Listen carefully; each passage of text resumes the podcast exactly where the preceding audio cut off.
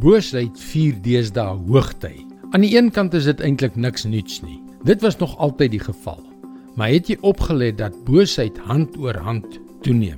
Boosheid word nie net aangemoedig nie, maar ook toegejuig.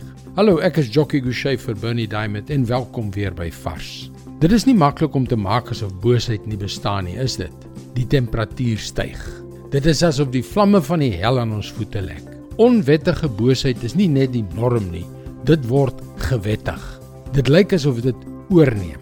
Wat moet ons as volgelinge van Christus doen?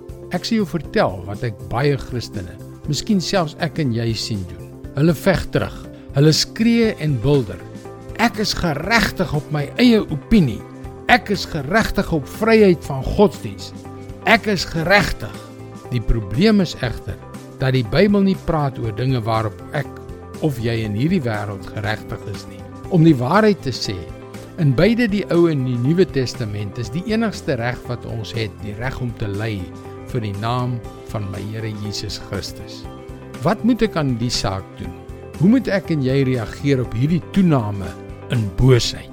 Ons lees in Jesaja 1 vers 16 en 17. Was julle, reinig julle. Moenie voor my verskyn as julle verkeerd doen nie. Hou op met kwaad doen. Leer om weer goed te doen. Sorg dat daar reg geskied. Gaan die verdrukker te. Laat reg geskied aan die weeskinders. Behartig die regsaake van die weduwees. God beveel ons om nie slegs nie soos die bose mense daar buite op te tree nie, maar om eers voor ons eie deur te vee, om goed te doen, om mense regverdig te behandel en dan ongeag wat die koste is om 'n stem te wees vir diegene wat nie vir hulle self kan praat nie vir die weduwee vir die weeskind vir die ongebore baba. Dit is presies wat Jesus gedoen het. En dit het hom sy lewe gekos.